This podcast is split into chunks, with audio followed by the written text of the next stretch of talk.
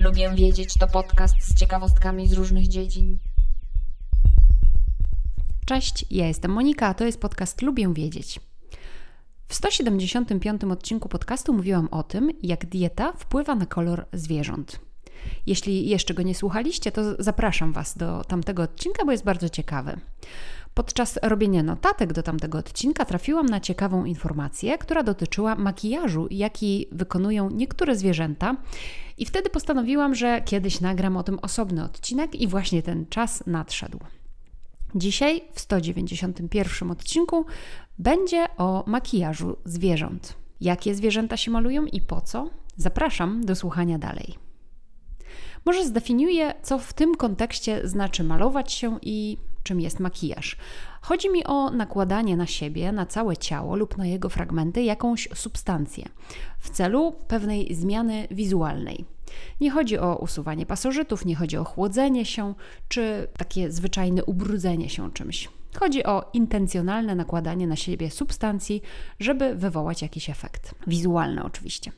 No i na ten pomysł o makijażu zwierząt wpadłam wtedy, kiedy czytałam o tym, że flamingi czerpią swój różowy kolor ze skorupiaków. Im więcej ich zjedzą, tym bardziej są różowe, no bo skorupiaki są różowe, bo mają w sobie karotenoidy, które barwią pióra ptaków. Naukowcy z Hiszpanii badali flamingi i zauważyli, że intensywność ich różowego koloru była najwyższa w lutym, w szczycie sezonu godowego, a potem w kolejnych miesiącach spadała. Badacze odkryli pewną ciekawostkę. Flamingi, podobnie jak inne ptaki, produkują olej w gruczołach znajdujących się w pobliżu ogonów. Ptaki nasączają tym olejem swoje pióra za pomocą dziobów. Prawdopodobnie widzieliście nieraz, jak różne ptaki przyczesują swoje pióra dziobem i często zaczynają właśnie od ogona. Doskonale można to zauważyć u kaczek. Ten olej produkowany w okolicach ogona ptaków poprawia trwałość piór i sprawia, że pióra są wodoodporne. Dlatego kaczki często się namaszczają tym olejkiem. Mówi się, że coś spływa jak woda po kaczce, a to właśnie dlatego, że kaczka sobie natłuści piórka, a więc woda po niej spływa. Ale wracając do flamingów, tak jak wspomniałam, flamingi biorą barwnik karotenowy ze skorupiaków i ten barwnik znajduje się częściowo w piórach. Ale naukowcy odkryli także, że ten olej produkowany w pobliżu ogona jest szczególnie bogaty w karoten i ma taki właśnie różowo-pomarańczowy kolor. Badacze zauważyli, że ptaki obu płci zdecydowanie częściej przeczesywały i natłuszczały swoje piórka w okresie godowym, a to zwiększało intensywność różowego koloru ich upierzenia. Dlaczego tak się działo w okresie godowym? No bo partnerzy w głębszym odcieniu różu są bardziej atrakcyjni dla flamingów. Czyli tak jak ludzie używają różu w kremie lub w pudrze, tak flamingi używają różu w oleju. Może to podpowiedź dla branży kosmetycznej na jakąś nową formułę tego kosmetyku. Ale nie tylko flamingi się malują. Ptak, zwany orłosępem brodatym, ten ptak występuje i w Europie, zwykle południowej, i w Azji, a także północnej Afryce. Także nakłada na siebie makijaż. W jakiej formie? Orłosępy lubią się wytaplać w błocku albo w błotnistej wodzie. Wybierają to błoto lub tę wodę, która ma pełno tlenku żelaza, a co za tym idzie jest lekko czerwona. Dzięki temu ich pióra na głowie i szyi, oryginalnie białe, stają się rdzawo-czerwone, co nadaje im dość groźnego, krwawego wyglądu. Naukowcy wysnuli teorię, że ten kolor jest symbolem statusu. Intensywniejszy kolor wskazuje, że ptak miał czas i środki, aby znaleźć odpowiednie miejsce do wytaplania się. Najbardziej pomalowane ptaki prawdopodobnie najlepiej znają swoje terytorium. No więc okazuje się, że takie błoto bogate w tlenek żelaza to odpowiednik makijażu od Charlotte Tilbury, Diora czy Toma Forda. No bo też jest to jakiś taki wskaźnik statusu. Jest jeszcze jeden ptak, który używa pewnej substancji do makijażu. Jest to ibis czubaty. Ten ptak jest generalnie biały z lekkim odcieniem różowego, tu i tam. Ale w styczniu i lutym, kiedy ptaki zaczynają okres godowy, na gardle i szyi ptak zaczyna wydzielać pewną substancję, która może mieć kolor czarny lub szary. Ma ona dość płynną konsystencję, przypomina lekko smołę i z tego co wyczytałam, jeszcze nie wiadomo jaki jest jej skład. Tę substancję ptak rozprowadza po ciele, zaczynając od głowy, szyi i kończy na grzbiecie.